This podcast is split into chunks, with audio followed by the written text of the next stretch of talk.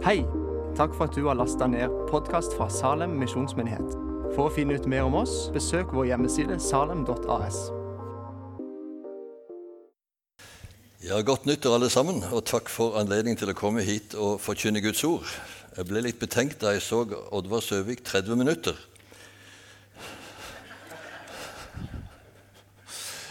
Men uh, Geir sa at uh, det kan jeg gjerne med pluss moms også. Så uh, av erfaring så vet jeg at det er godt å tale i Salem, og når det er godt å tale, da er det vanskelig for meg å stoppe. Men hvis jeg syns det blir for lenge, så får dere synge meg ned.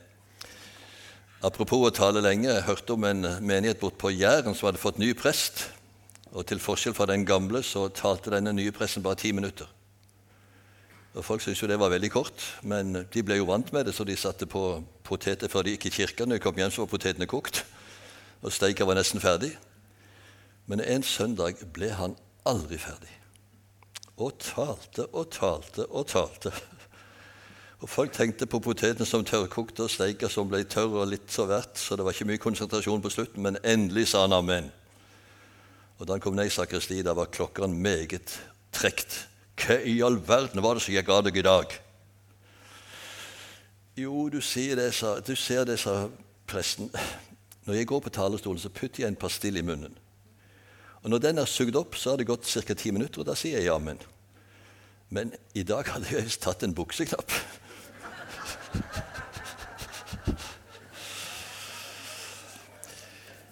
Nå har dere fått utdelt en disposisjon, og den kan dere velge om dere vil følge med på, eller ta med hjem og slå opp disse bibelstedene.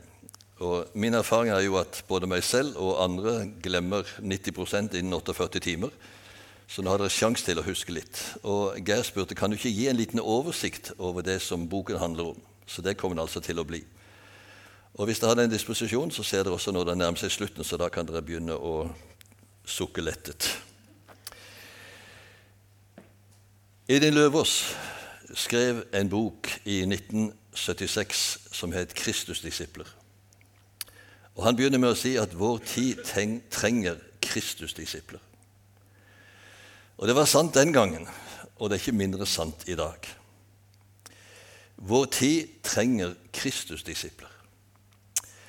De første kristne disipler de var et annerledes folk. De levde et liv i sannhet, i renhet, i enhet, i kjærlighet og ærlighet. De var lys og salt i en verden som levde i mørke og forråtnelse.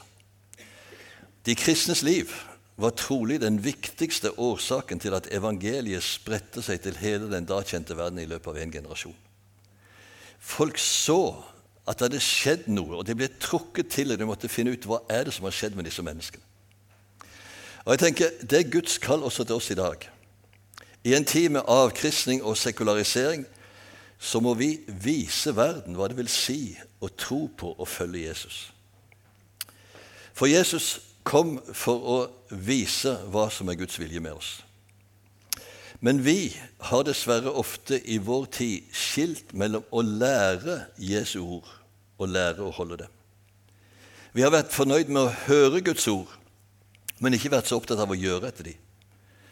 Vi har satt et skille mellom det å tro på Jesus og det å følge Jesus mellom det å ha Jesus som frelser og det å ha Han som Herre. Og Som jeg sa, i dag forkynnes det ofte du er god nok som du er. Gud er fornøyd med deg. Gud er en Gud som aldri krever, en Gud som bare gir. Og Dermed så har det blitt et skille mellom det å være en kristen og det å være en disippel, en etterfølger. Men det skillet finnes ikke i Bibelen. Det er én og samme sak. Ordet disippel eller disipler eller disiplene forekommer 254 ganger ifølge min databibel. Ordet kristen bare tre ganger. Men de tre gangene er det en disippel det tales om. Og første gang ordet kristen ble brukt om disipler, det var i Antiokia. Og det ordet å bli kalt for der i dette verset, det betyr egentlig å ha som hovedanliggende. Disiplene i Antiokia de hadde som hovedanliggende Kristus, og derfor ble de kalt kristne. Små Kristuser. Folket så Kristus i dem, og derfor fikk de navnet kristne. Og Bibelens tale er veldig klar. Jesus sa bare 'følg meg', Og det må ha vært noe fantastisk fascinerende med Jesus. Man forlater ikke butikk og båt sånn uten videre, men det gjorde de første disiplene. I tre år vandret han sammen med sine disipler. De så hva han gjorde, de lærte av han, de fikk øve seg i praksis, og de ble som sin mester etter tre år. Og Når vi ser på Jesu forkynnelse, så forventet han alltid at folk skulle gjøre noe med det han sa. Matteus 7, 21, Ikke enhver som sier til meg, Herre, Herre, skal komme inn i himmelriket, men den som gjør min himmelske Fars vilje. Og Dere husker etter at han hadde talt denne her mektige bergprekenen, så avslutter han med denne lignelsen om den som hadde bygd sitt hus på fjell, og den som hadde bygd sitt hus på sand. Og han som hadde bygd huset sitt på fjell, det var han som hørte Guds ord og gjorde etter det. Og I Matteus 12,50 står det at den som gjør min himmelske Fars vilje, er min bror, søster og mor. Så husker vi lignelsen om den barmhjertige samaritan, denne lovkyndige som kom til Jesus og ville vite hva som var det største budet i loven. Og Jesus svarte, 'Det er å elske Herren din Gud over alle ting, og det neste som deg selv'. Ja, det visste jo den skriftlærde. Så han spurte Jesus, 'Ja, men hvem er så min neste?' Og Det hadde jødene diskutert lenge. Er det bare jøder? Er det bare de nærmeste? Jesus forteller en lignelse om en som viste seg som en neste. Og så sier han, 'Gå du bort og gjør likeså'. Og Når Jesus den siste kvelden før han skulle lide og dø, vasket sine disiplers føtter, så sier han, 'Jeg har vist dere et forbilde. Slik jeg har gjort mot dere, slik skal dere også gjøre.' Og Så kunne vi tatt for oss Det nye testamentet og sett hvordan alle Bibelens forfattere egentlig forventer at det evangeliet de har forkynt, skal forvandle mennesker til etterfølgelse. I Paulus' brever er gjerne de to-tre første kapitlene evangelieforkynnelse, og så kommer formaningen til etterfølgelse, til å bli det vi allerede er. Døperen Johannes bærer da frukt som svar til omvendelsen. Jakob, dere må gjøre det ordet sier, ikke bare høre det, men ellers vil dere, ellers vil dere bedra dere selv. Johannes, mine barn, vår kjærlighet må være sann, ikke tom ord, men handling. Paulus, en gang var dere mørke, men nå er dere lys. Lev da som lysets barn. Og Hebreerne 12,24.: Legg vind på å leve i fred med alle og strev etter helliggjørelse, for uten helliggjørelse skal ingen se Herren. Jeg var på en weekend i fjor høst og talte om dette temaet 'Følg meg', og hadde da fem bibeltimer. Men nå får dere en liten sånn en rask oppsummering av innholdet i disse fem punktene. For det første en disippel blir i Jesu ord. Jesus sa da til de jøder som var kommet til tro på ham.: Hvis dere blir i mitt ord, er dere virkelig mine disipler. Da skal dere kjenne sannheten, og sannheten skal gjøre dere fri. Nå kan vi kanskje for det første spørre hvem var disse jødene som var kommet til tro på ham, og hva slags tro var det de hadde? For de var ikke fri. Jeg tror at de jødene som Jesus her taler til, de trodde nok at Jesus var den han ga seg ut for å være, men de hadde ikke betrodd sine liv til han. Det kom en mann innom kontoret mitt for nokså lenge siden, og han sa følgende kan du forklare meg en ting, Søvik? Jeg har vokst opp i et kristent hjem. Jeg tror at alt som står i Bibelen, er sant. Jeg tror at Jesus er Guds sønn. Jeg tror at han døde, og sto opp igjen og lever i dag. Jeg tror alt. Men jeg kaller meg ikke noen kristen. Hva er det som mangler? Så lærer vi ofte best ved bilder, og jeg brukte følgende bilde. Sett at du skulle reise til Oslo. Så går du ned på stasjonen, kjøper en billett, går ut på perrongen, der står toget. Du tror at det går til Oslo. Det er ingen grunn til å tvile på det. Det har gått tusenvis av ganger før. Du har billetten i hånden, den er betalt. Og så lyder det i høyttaleren 'Tog til Oslo klar for avgang i spor 2', ta plass, ta plass. Det tror du også er sant. Men du stiger ikke på. Kommer du da til Oslo? Nei, selvsagt ikke, sa han. Det er det som mangler. Du må ta konsekvensen av det du tror. Du må komme til Jesus. Han er det eneste tog som fører til himmelen. Ja, nå skjønner det, sa han. Så gikk han. Tre uker etterpå kom han tilbake igjen. 'Du, Søvik, jeg vil gjerne gå på det toget til himmelen.' Og det gjorde han. Og det var godt, for tre måneder etterpå døde han av kreft. men han gikk på i tide. Dersom dere blir i mitt ord Det handler om å forbli. Og Jesu første disipler de måtte som andre disipler av en rabbi lære utenat det mesteren sa. Og De måtte ikke bare lære det utenat, men de måtte leve det ut i etterfølgelse. Det står ikke i disposisjonen deres, men det stanset litt i, uh, her om dagen da jeg forberedte den talen, ved Hebreerne 4,2. Der står det et underlig ord. For det glade budskap er blitt forkynt for oss liksom for dem. Men ordet som de hørte, ble til ingen nytte for dem, fordi det ikke ved troen var smeltet sammen med dem som hørte det. Guds ord må smelte sammen med oss hvis vi skal ha nytte av det. Og Så sjekket jeg opp dette her ordet for å smelte sammen, og egentlig så betyr det nærmest å være knadd sammen. Nå har ikke jeg mye greie på brødbaking, men jeg vet at du må ha både mjøl og vann og litt olje og litt gjær og litt forskjellig sånt. Og så knar du og elter dette sammen, så blir det deig. Og da kan du ikke skille ut vannet og mjølet. Det har blitt en enhet. Og slik skulle egentlig Guds ord og våre liv smelte sammen til en enhet, slik at det skulle prege våre tanker, våre liv og våre holdninger. Og da blir vi forvandlet. Når Jakob i kapittel 1 sier at vi skal se inn i frihetens fullkomne lov, så begynner han dette avsnittet med 'den som hører ordet uten å gjøre etter det'. Han ligner en mann som ser på ansiktet sitt i et speil. Han ser på det, går sin vei og glemmer straks hvordan han ser ut. Men den som ser inn i frihetens fullkomne lov og fortsetter med det, han blir ikke en glemsom hører, men en gjerningens gjører. Han skal være lykkelig i sin gjerning. I dette speilet, som er Guds ord, som Jakob kaller frihetens fullkomne lov, der ser vi først og fremst hvem Jesus er. Han som er veien, sannheten og livet. Vi får se hva han har gjort til vår frelse, slik at vi kan bli fri. Men hva ser vi mer i dette speilet? Det var en predikant som sa der ser vi først og fremst at vi er store syndere. Ja, kanskje det. Men for meg ble det plutselig slik en dag at i frihetens fullkomne lov så ser jeg at i Kristus er ren og rettferdig himmelen verdig. I speilet, frihetens fullkomne lov, ser jeg at ved troen på Jesus har jeg blitt et Guds barn. Og når jeg har blitt et Guds barn, så har jeg blitt Jesu bror. Og hva kalles brødre og søstre til en konge? De kalles for prinser og prinsesser. Vi er et kongelig presteskap.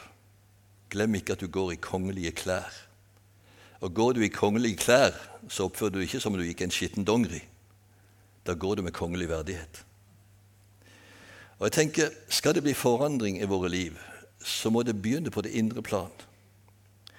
Paulus sier i Romene 12,2 at la dere ikke lenger prege av den nåværende verden, men bli forvandlet ved at sinnet fornyes tanken, så det kan dømme hva som er Guds vilje. Det gode, det som er til hans behag, det fullkomne. Vi kan ikke forandre folks sinn. Men Guds ords sannhet ved Den hellige ånds kraft kan forvandle våre tanker, slik at vi begynner å tenke Guds tanker. Og det vil påvirke våre følelser, og det vil påvirke våre handlinger. Så begynner vi å leve etter dette ordet. Og den friheten Jesus lover, den kunne vi snakke om i flere timer. Men derfor er det første en frihet fra syndens skyld. Hva skal vi gjøre med vår skyld? Den har heldigvis Jesus tatt på seg. Og når vi bekjenner våre synder, da er Han trofast og rettferdig, så Han tilgir oss syndene og renser oss for all urett.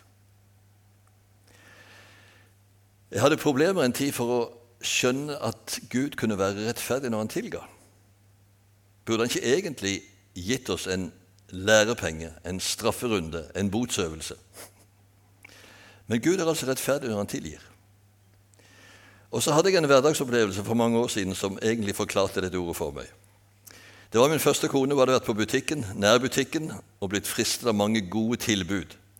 Så kom tilbake igjen og sa jeg hadde for lite penger på butikken. Kan du minne meg om at jeg skylder 100 kroner neste gang jeg skal på butikken? Ja, jeg skal prøve, sa jeg. Neste gang gikk jeg på butikken. Og så kom jeg på min kone skylder 100 kroner.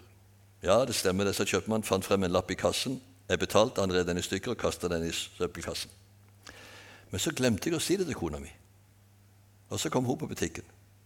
Jeg skylder 100 kroner for forrige gang, sa hun. Nei, du skylder ingenting, sa Alt er betalt. Det var jo rettferdig. Det hadde vært helt urettferdig å ta dobbel betaling. Og så gikk det opp for meg. Kristus betalte én for alle, én gang for alle. Når jeg kommer med mitt gjeldsbrev, så sier han det er betalt. Så han tilgir. Og så renser han for all urett. Det er også en frihet fra syndens makt. Og det er så mange ting som lokker og frister og drar. Og så prøver vi igjen å se på det som frister, og så prøver vi å stå imot i egen kraft, og så faller vi. Men hva skal vi gjøre? Vi skal legge av synden, som så lett fanger oss inn, med blikket festet på ham som er troens opphavsmann og fullender, Jesus. Og Fester vi blikket der, så vil han gi oss seier over syndens makt. Og så er det en frihet fra syndens lønn, som er døden. Men det er ikke bare en frihet fra det, også en frihet til. Frihet til å være den jeg i Kristus er. Og Derfor er det så viktig også å få tak i at evangeliet er ikke bare syndenes forlatelse, selv om det er veldig stort, men evangeliet er også dette at Gud ikler oss Kristi rettferdighet og ser på oss i Kristus som om vi aldri hadde syndet, og gir oss en kongelig rang og verdighet. Og han gleder og fryder seg over oss og gir oss på ny og på ny sin kjærlighet. Og når dette begynner å synke ned i oss, da er vi fri til å være de vi er kalt til å være, nemlig Guds barn. Og så er det også en frihet til å gjøre det jeg kan, det som Gud har utrustet meg til, både med mine evner og mine nådegaver. Jeg skal ikke konkurrere med andre, jeg skal ikke sammenligne med andre, men jeg skal få lov til å være akkurat den Gud har kalt meg til å være, og til å gjøre det han har kalt meg til å gjøre. Og så er det faktisk en frihet til å følge Guds bud. Det er noen som tror at det å leve etter Guds bud det er jo et slaveri og et ork. Men faktisk så er det det motsatte. For alle Guds bud er egentlig en sum av kjærligheten. Og det å elske Gud, det er å holde Hans bud, står det i 1. Johannes 5,3. Og Hans bud er ikke tunge. Hvis noen sa til meg du får ikke lov å ha noen andre ved siden av liv, ville det være et tungt bud? Ikke i det hele tatt. Ønsker jo ikke det. For når kjærligheten kommer til, når vi har tatt imot Guds kjærlighet, da forandrer budene karakter fra 'du skal' og 'du skal ikke' til 'jeg vil' og 'jeg vil ikke'. Så når første bud sier 'du skal ikke andre guder enn meg', ja, men det vil jeg da ikke heller. Kjære vene, så mye har jeg opplevd sammen med min Herre at jeg vil ikke ha noen andre ved siden av Han. Han er førsteprioritet i mitt liv. Guds bud kan vi også kalle for trafikklover for livet. Det er noen som vil være fri og gjøre som de vil. Det er ikke mulig. Hvis du f.eks. som sjåfør sier at nei, dette med trafikkregler og vikeplikt og rødt lys det er bare et heft når jeg skal ut og kjøre. Jeg kjører som jeg vil, jeg tar ikke noe hensyn. Jeg kan garantere at det smeller før eller siden, til stor skade for både deg selv og andre. Og Hvis man velger å trosse Guds bud, som er livslover, så fører det til elendighet. Du kan slå opp i hvilken som helst avis eller høre på Dagsnytt på radio eller TV, så får du så å si hver dag høre konsekvenser av hva det fører til når mennesker bryter Guds bud. Det koster samfunnet milliarder. Guds bud er livslover. Det må vi frimodig forkynne. For det andre en disippel fornekter seg selv. Selv om vi har blitt født på ny, selv om vi har blitt Guds barn, så bærer vi fortsatt denne gamle syndenaturen med oss. Og denne syndenaturen den vil ikke hva Kristus vil. Så det blir en kamp mellom ånd og kjød, mellom det gamle mennesket og det nye mennesket. Mellom vår nye natur og den gamle naturen. Ånd og kjød står hverandre imot, sier Paulus i Galatene 5,17. Og Derfor sier Jesus om noen vil komme etter meg, da må han fornekte seg selv, ta sitt kors opp og følge meg. For den som vil berge sitt liv, skal miste det, men den som mister sitt liv for min skyld, han skal finne det. Hva betyr det å fornekte seg selv og ta opp sitt kors? Ja, Det betyr ikke å forakte seg selv. Det er hvis noen som tror at det er spesielt kristelig å gå rundt med mindreverdsfølelse. Det har vi ingen grunn til. Vi er Guds ypperste skapninger. Vi er gjort lite ringere enn Gud. Vi har blitt Jesu brødre og søstre. Vi er virkelig noe stort, egentlig. Men det å fornekte seg selv. Verbet som er brukt, det er det samme som brukes da Peter fornektet Jesus. Husker dere hva han sa? 'Jeg kjenner ikke den mannen'. Forferdelig å si noe sånt om Jesus. Men når vårt gamle menneske rører på seg, så skal vi si 'Jeg kjenner ikke den mannen. Jeg kjenner ikke den kvinnen'. Han eller hun har ingenting å bestemme her. Her bestemmer Jesus. Han vil jeg følge. Det å ta opp sitt kors det er egentlig samme sak. For korset det er et sted man dør. Når folk på Jesu tid så en eller annen kom slepende på en korsbjelke, tverrbjelke måtte de bære, langbjelken sto på rette stedet, så visste alle denne personen er dødsdømt. Han skal henrettes, han skal dø. Og når Guds vilje og min vilje krysser hverandre, da må jeg altså være villig til å la mitt selvliv dø på det korset. Og det kan noen ganger være knallhardt. Men så sier Jesus at den som mister sitt liv for min skyld, han skal finne det. Og så vil du på sikt oppleve at ved å miste ditt selvliv, så finner du det virkelige liv, det du er skapt til. Liv i overflod, liv i kjærlighet, glede og fred. For det tredje så sier Jesus at en disippel gir avkall på det han eier. Og Det er kanskje et av de tøffeste disippelordene i Bibelen står i Lukas 14, 33, Slik er det altså. Ingen av dere kan være min disippel uten å gi avkall på alt han eier. Det betyr ikke å selge alt vi eier. Det er ikke noe påbud om det i Bibelen. Selv om enkelte av de første kristne gjorde det, så er det ikke noe påbud om det. Men de hadde oppgitt eiendomsretten til det de eide. De visste at de bare var forvaltere av betrodd gods. De kalte ikke lenger noe for sitt eget, står det i apostelgjerningene 432. De visste at det de eide, det var Guds eiendom. Og tenk for en revolusjon det ville bli om virkelig vi som Jesu disipler i dag for alvor tok det ordet inn over oss. Jeg fikk en opplevelse av det for mange år siden da jeg jobbet i Indremisjonen. Jeg skulle til Raufoss en søndag og tale på et søndagsmøte en kveld. Men bilen min var på verksted, så jeg måtte ta tog. Og Det var i den tid de reklamerte med at til alle tider i all slags verden går alltid et tog. Det var jo ikke sant. Hadde de sagt det står alltid et tog, så hadde det vært bedre. Men for å komme til Raufoss på kvelden halv åtte så måtte jeg ta et tog som gikk klokken ett på dagen. Og På vei til stasjonen med min stresskoffert så møtte jeg ei hyggelig dame som spør hva skal du av. Ja, jeg skal til Raufoss, og så må jeg ta et tog som går klokken ett, sa jeg. Ja, men hvor er bilen din? Nei, den står på verksted. Å, kjære deg, sa han. Så rota han ned i veska og sa ta min bil. Å, tusen takk for et bønnesvar, sa jeg. Du skjønner, Det går ikke tog tilbake igjen i kveld, og første tog i morgen tidlig når ikke stabsmøte, så dette var virkelig et bønnesvar. Tusen takk, sa jeg. Ja, det er ikke min bil, sa hun. Å, nei, er det ikke det, sa jeg. Nei, da tror jeg ikke jeg tør låne. Det er Guds bil, sa hun. Men du kan jo tanke opp når du kommer tilbake igjen. Det gjorde sånt inntrykk på meg. Jeg var livende redd for den bilen, min. Men da jeg henta den på verkstedet, så måtte jeg ha en stund i garasjen både med bilen og mor Herre og meg selv. Og så sa jeg dette er din bil, Gud. Det er ikke min bil. Den skal tilhøre deg fra nå av. Takk for at jeg får lov til å disponere den. Og tror du ikke dagen etterpå så kom det tre elever fra bibelskolen og spurte du, kunne vi få låne bilen din, vi skal ut og evangelisere i kveld. Ja, det er ikke min bil, sa jeg. Det hadde ikke jeg sagt uka før. Da hadde jeg sagt nei. Og så var det en sånn kolossal frihet å få lov til å liksom bare stille det til Guds disposisjon. Vi lever i et av verdens rikeste land. Men så har vi på mange måter blitt en nasjon av gjerrigknarker. Og det ser ut til at jo mer vi har, jo mindre har vi å bli av med. I de siste 10-15 årene har inntektene nesten økt til det dobbelte. Men gaveinntektene har ikke fulgt med. Og Det viser bare hvor fast vi sitter i materialismens grep.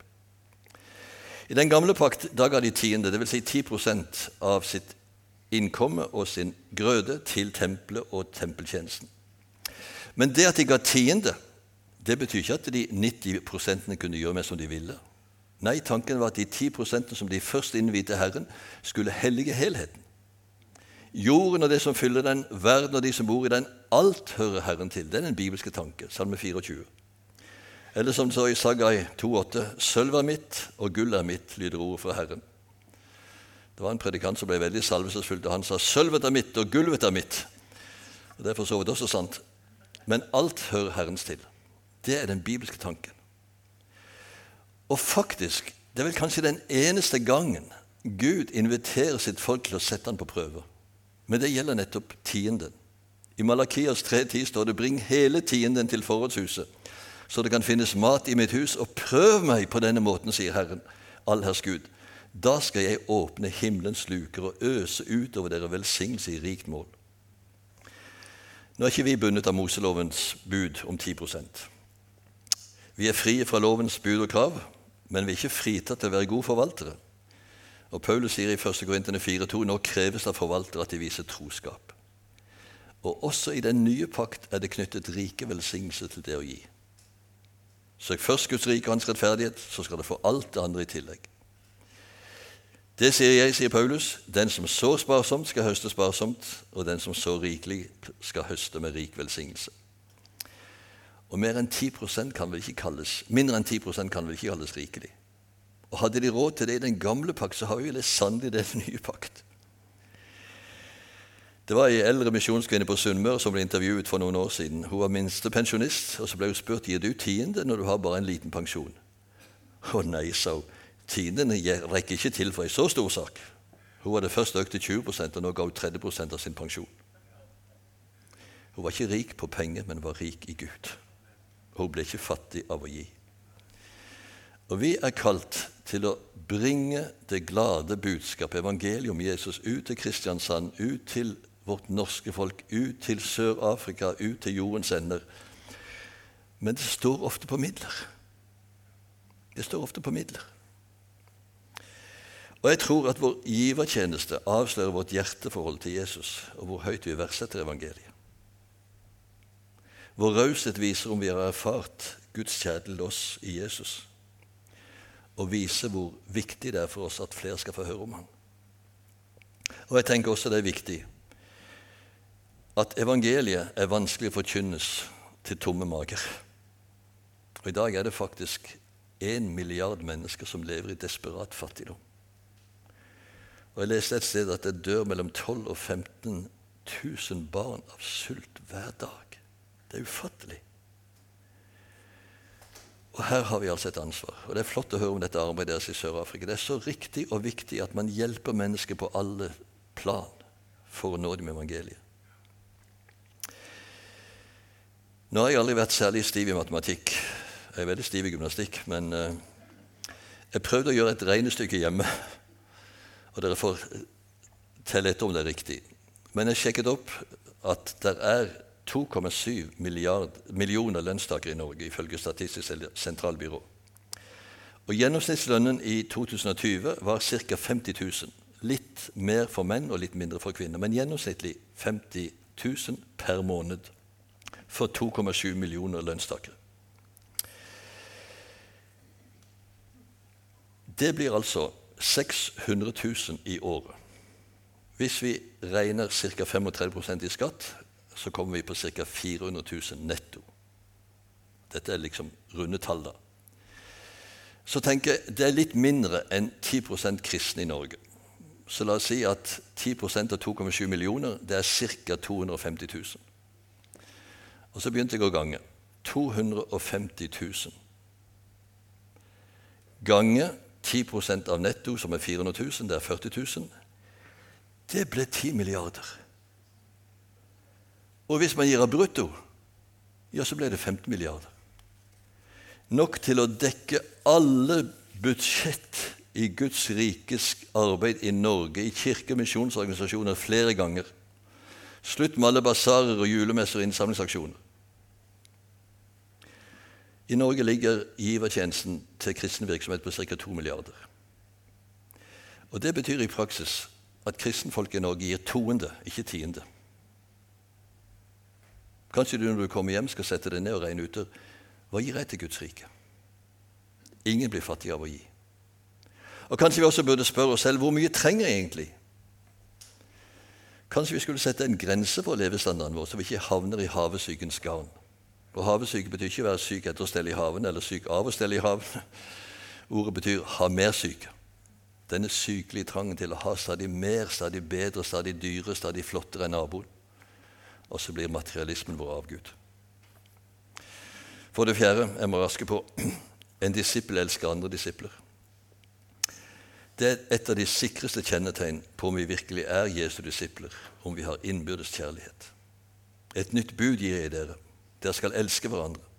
Som jeg har elsket dere, skal dere elske hverandre. Har dere kjærlighet til hverandre, skal alle kunne se at dere er mine disipler. Og Kjærlighet i Bibelen det er ikke først og fremst et spørsmål om følelser, men om handling. Og jeg tror at det var nettopp denne kjærligheten som preget de første kristne, som gjorde at mennesket ble trukket til. For her var det verken jøde eller greker, trell eller fri, mann eller kvinne, rik eller fattig, svart eller hvit. Alle var ett. Og i et samfunn var så splittet mellom raser og alt annet, så var jo dette et mektig vitnesbyrd. Og folk ble trukket til. Og jeg tror det er den samme kjærlighet som Jesus forventer av sine disipler i dag. Vi skal elske hverandre, mest av alt de som hører troen til. Og det er ingen motsetning. Den innbyrdes kjærligheten gir kraft og inspirasjon til å elske de som er utenfor, på en ekte og god måte. Og så ser vi rundt forbi i mange forsamlinger og menigheter der det er strid og splittelse, ofte pga. bagateller. Og strid mellom kirkesamfunn. Jeg tror ikke det er noe som har hindret evangeliets fremgang så mye som nettopp strid mellom kristne. Jesus ba at vi alle måtte være ett og jeg syns det er fantastisk her i Kristiansand med fellesmøter og den enheten som er blant Guds folk. Det er virkelig et bønnesvar. Og det må vi fortsette med. Splittelse, det er djevelens verk. Ordet diabolos, djevel, kommer av diaballen, som betyr å kaste fra hverandre. Splitte. Og Satan vet at kan han få splitte kristenflokken, så blir de lammet i innbyrdes strid og har ingen kraft utad. Men der vi står sammen som Guds folk, da er det et mektig vitnesbyrd utad. Ja, men denne kjærligheten har ikke i meg selv. Nei, men vi kan få den hos Jesus. I Johannes 15 sier Jesus, 'Bli i meg, så blir jeg i dere'. Liksom grenen ikke kan bære frukt av seg selv, men bare hvis den blir på vintreet, slik kan heller ikke dere bære frukt hvis dere ikke blir i meg. Og liksom Faderen har elsket meg, har jeg elsket dere. Bli i min kjærlighet. Å bli Jesu kjærlighet betyr å bli Hans ord. Og så må vi også få bort alt det som gjør Guds hellige ånd sorg. For det sier seg selv at hvis ånden i oss er bedrøvet, så blir det ingen glede. Og er det ingen glede, så blir det heller ingen styrke, for gleden i Herren er vår styrke, står det. Og en ting som jeg har opplevd gjennom flere år at mange mennesker sitter fast i, det er bitterhet. De har opplevd vonde ting. Noen har opplevd forferdelige ting. Og så kan de ikke tilgi, men noen ganger de vil ikke tilgi. Og Det å tilgi det er ikke til å bagatellisere eller bortforklare det vonde. Nei, det må vi sette ord på. Men å tilgi er å frasi seg retten til å gjengjelde. Og overlate hevnen til Herren, står det i Romene 12. Og Det kan noen ganger være fryktelig vanskelig, men det er utrolig befriende for å overlate uretten til Herren og si 'jeg tilgir'. Jeg skriver ganske mye om dette i boka, og det er et stort kapittel og et viktig kapittel. Men vi må gå videre. Vi stanser til slutt ved en disippel gjør andre til disipler. Og Noe av det siste som Jesus sa her på jord, det var nettopp gå derfor ut og gjør alle folkeslag til disipler idet dere døper dem til Faderen, Sønnens og Den hellige ånds navn, og lære dem å holde alt det jeg har befalt dere. Ikke bare lære det, men lære å holde. Og når Jesus kalte sine disipler første gang, så sa han bare 'følg meg, så vil jeg gjøre dere til menneskefiskere'. Og det å fiske mennesker, det er nesten som å fiske fisker. Og Skal du fiske, så vet du at det nytter ikke å sette opp en et plakat på kaien eller en annonse i avisen. Alle fisker er hjertelig velkomne. Du må faktisk ut der det er fisk, og begynne å fiske. Og jeg tror Skal vi nå mennesker i dag, så kan ikke vi forvente at de skal komme til oss men vi må møte dem der de er. Gud vil at alle mennesker skal bli frelst og lære sannheten å kjenne. Og hvordan blir man frelst? Jo, ved å høre evangeliet om Jesus. Troen kommer av forkynnelse. Det står aldri noen gang i Bibelen at folk fikk det til å tro, men troen kom til dem. I ham må også dere komme til tro der dere hørte sannhetens ord, evangeliet om deres frelse. Og Derfor må mennesker få møte ordet om Jesus gjennom oss. Hva var hemmeligheten til den første kristne eksplosjonen? Jo, jeg tror det var både dette at folk ble trukket til, men så ser vi også at folk gikk ut. Jeg var på et møte for en tid siden, og der hadde predikantene som tema at Gud kunne vende det vonde til det gode. Og Så brukte han som et eksempel at da forfølgelsen satte inn mot de første kristne, så ble apostlene spredt utover Judea og Samaria og forkynte Guds ord. Og på den måten skjedde det noe godt, selv om forfølgelse var vondt, sa han. Jeg la ikke merke til noen som protesterte, men jeg kunne ikke dy meg. Jeg gikk bort til han etterpå og sa du var ikke helt bibeltro i kveld. Å, sa han. Hva mener du med det? Nei, du sa at da forfølgelse satte inn, så ble apostlene spredt utover Judea og Samaria og forkynte ordet. Ja, ikke det riktig, sa han. Ikke akkurat det som står, sa jeg. Ja, det som står der, sa han og begynte å bli litt irritert. Ja, vi kan jo slå opp og lese i Apostelgjerningen 8, sa jeg. Samme dag brøt det løs en kraftig forfølgelse mot menigheten i Jerusalem. Alle unntatt apostlene ble spredt omkring i Judea Samaria. Og de som var spredt omkring, dro rundt og forkynte ord. De som var spredt omkring. De dro rundt og forkynte ord. Egentlig står det de dro rundt og evangeliserte. Og det gjorde de overalt. Når Paulus var i Efesos, så står det i apostelgjerningen 19 at han daglig holdt samtale med disiplene i Tyrannes' skole. Og et håndskrift, den vestlige teksten vet å føye til, det skjedde fra den femte til den tiende time hver dag. Så fra klokken elleve om formiddagen til fire på ettermiddagen drev Paulus opplæring av de nye disiplene. Og så står det ganske tørt i vers 10. Slik fikk alle som bodde i Asia, altså provinsen Asia, høre Herrens ord, jøder så vel som grekere. Hvem var det som forkynte? Det var ikke Paulus, han var Jefesos. Men de som var vunnet og lært opp, dro hjem og forkynte om Jesus. Og alle fikk høre om Jesus i provinsen Asia. For et vitnesbyrd. Undersøkelser som er gjort, viser at tre av fire vinnes gjennom vennskapsevangelisering. Og vi som Jesu etterfølgere, vi skulle begynne hver dag med å si 'Jesus, her har du meg. Takk at du har frelst meg. Bruk meg i dag, der du vil, som du vil, og når du vil.' Og Da tror jeg Herren vil begynne å legge gjerninger ferdig for deg. Og ser Han at du er tro i smått, så vil Han sette det over mer. Og så får du nye anledninger. Og nest etter det å bli frelst selv så er det ingenting som er så stort som å få lede et menneske til Jesus. Jeg ser at noen ser på klokka. Jeg skal slutte. Jeg skjønner et hint. Men noen pleier å si når de hører denne forkynnelsen dette her var jo litt lovisk. Er vi ikke frelst av nåde? Jo, det er vi. Men det å liksom beskylde denne forkynnelsen for loviskhet det er en sikker måte å legge dødt det som Jesus sier om å kalles til etterfølgelse. Det er forskjell på loviskhet og lydighet. Loviskhet det er noe vi prøver å gjøre for å oppnå frelse, og det har ingen plass. Men lydighet det er noe vi gjør fordi vi er blitt frelst. Fordi vi er Guds barn. Fordi vi er Jesu Kristi disipler. Og nettopp når vi tar etterfølgelsen på alvor, så vil vi få oppleve at vi trenger Guds nåde. For overfor mange ganger jeg har sviktet. Det er ikke kanskje de direkte syndene som er det verste, men alle forsømmelsene. Du vil virkelig trenge Guds nåde i etterfølgelsen. Men nåden skal ikke være en sovepute. Det skal være en motivasjon til å spre Hans nåde til det andre. Og selv om det koster å følge Jesus, for det gjør det enkelte ganger, så koster det mer å la være. Du får ikke del i den fred som overgår all forstand, den fullkomne glede, den kjærlighet og kraft til å gjøre Guds vilje som han har lovt, kort sagt liv i overflod. Og til sist et evig liv i hans nærhet. Da jeg var ung, så hadde jeg ikke noe særlig ønske om å komme til himmelen. Jeg hadde så mye liv jeg skulle ha levd. Nå må jeg si jeg gleder meg til den dagen jeg skal få møte Jesus. Han som jeg har trodd på tilbedt og tjent og elsket uten å se. Han skal jeg en dag få se ansikt til ansikt. For en dag det skal bli. For en dag det skal bli. Det er den lønn en disippel får. La oss be. Herre Jesus, takk at du også i dag kaller oss til å følge deg.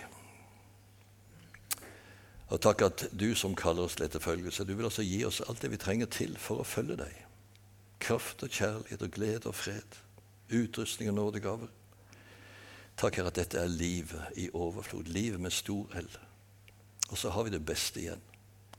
Hjelp oss til å holde blikket festet på målet, slik at vi ikke ledes vill av falske jordiske verdier eller taper målet av syne, men at vi tenker på gleden vi har i vente, og holder ut i det løp du har lagt opp for oss. Jesus, velsign denne menigheten. Velsign denne møteserien om temaet 'Følg meg', gruppearbeidet. At dette ordet, som er levende og kraftig, skal virkelig skape en vilje og en lyst og en trang til å følge deg.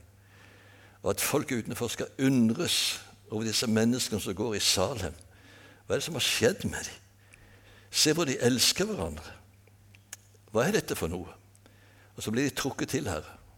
Og vil du også utruste oss til å gå ut og vitne om hva vi har sett og hørt, slik at flere kan komme til å tro på deg. Det ber vi om i Jesu navn. Amen.